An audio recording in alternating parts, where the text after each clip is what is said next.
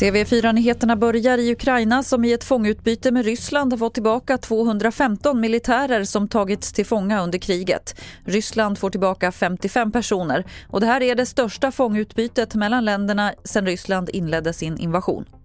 Bland de 215 frigivna ukrainarna finns soldater och befäl som försvarade stålverket Azovstal i Mariupol. Även tio utländska fångar har släppts, bland dem två tidigare dödsdömda britter och en svensk medborgare. Ukraina släpper 55 personer till Ryssland, bland dem oligarken Viktor Medvedchuk som greps i april anklagad för högförräderi. Ukrainas president sa inför FNs generalförsamling att Ryssland måste straffas för de krigsbrott som begåtts. Reporter här var Ann-Katrin Herou.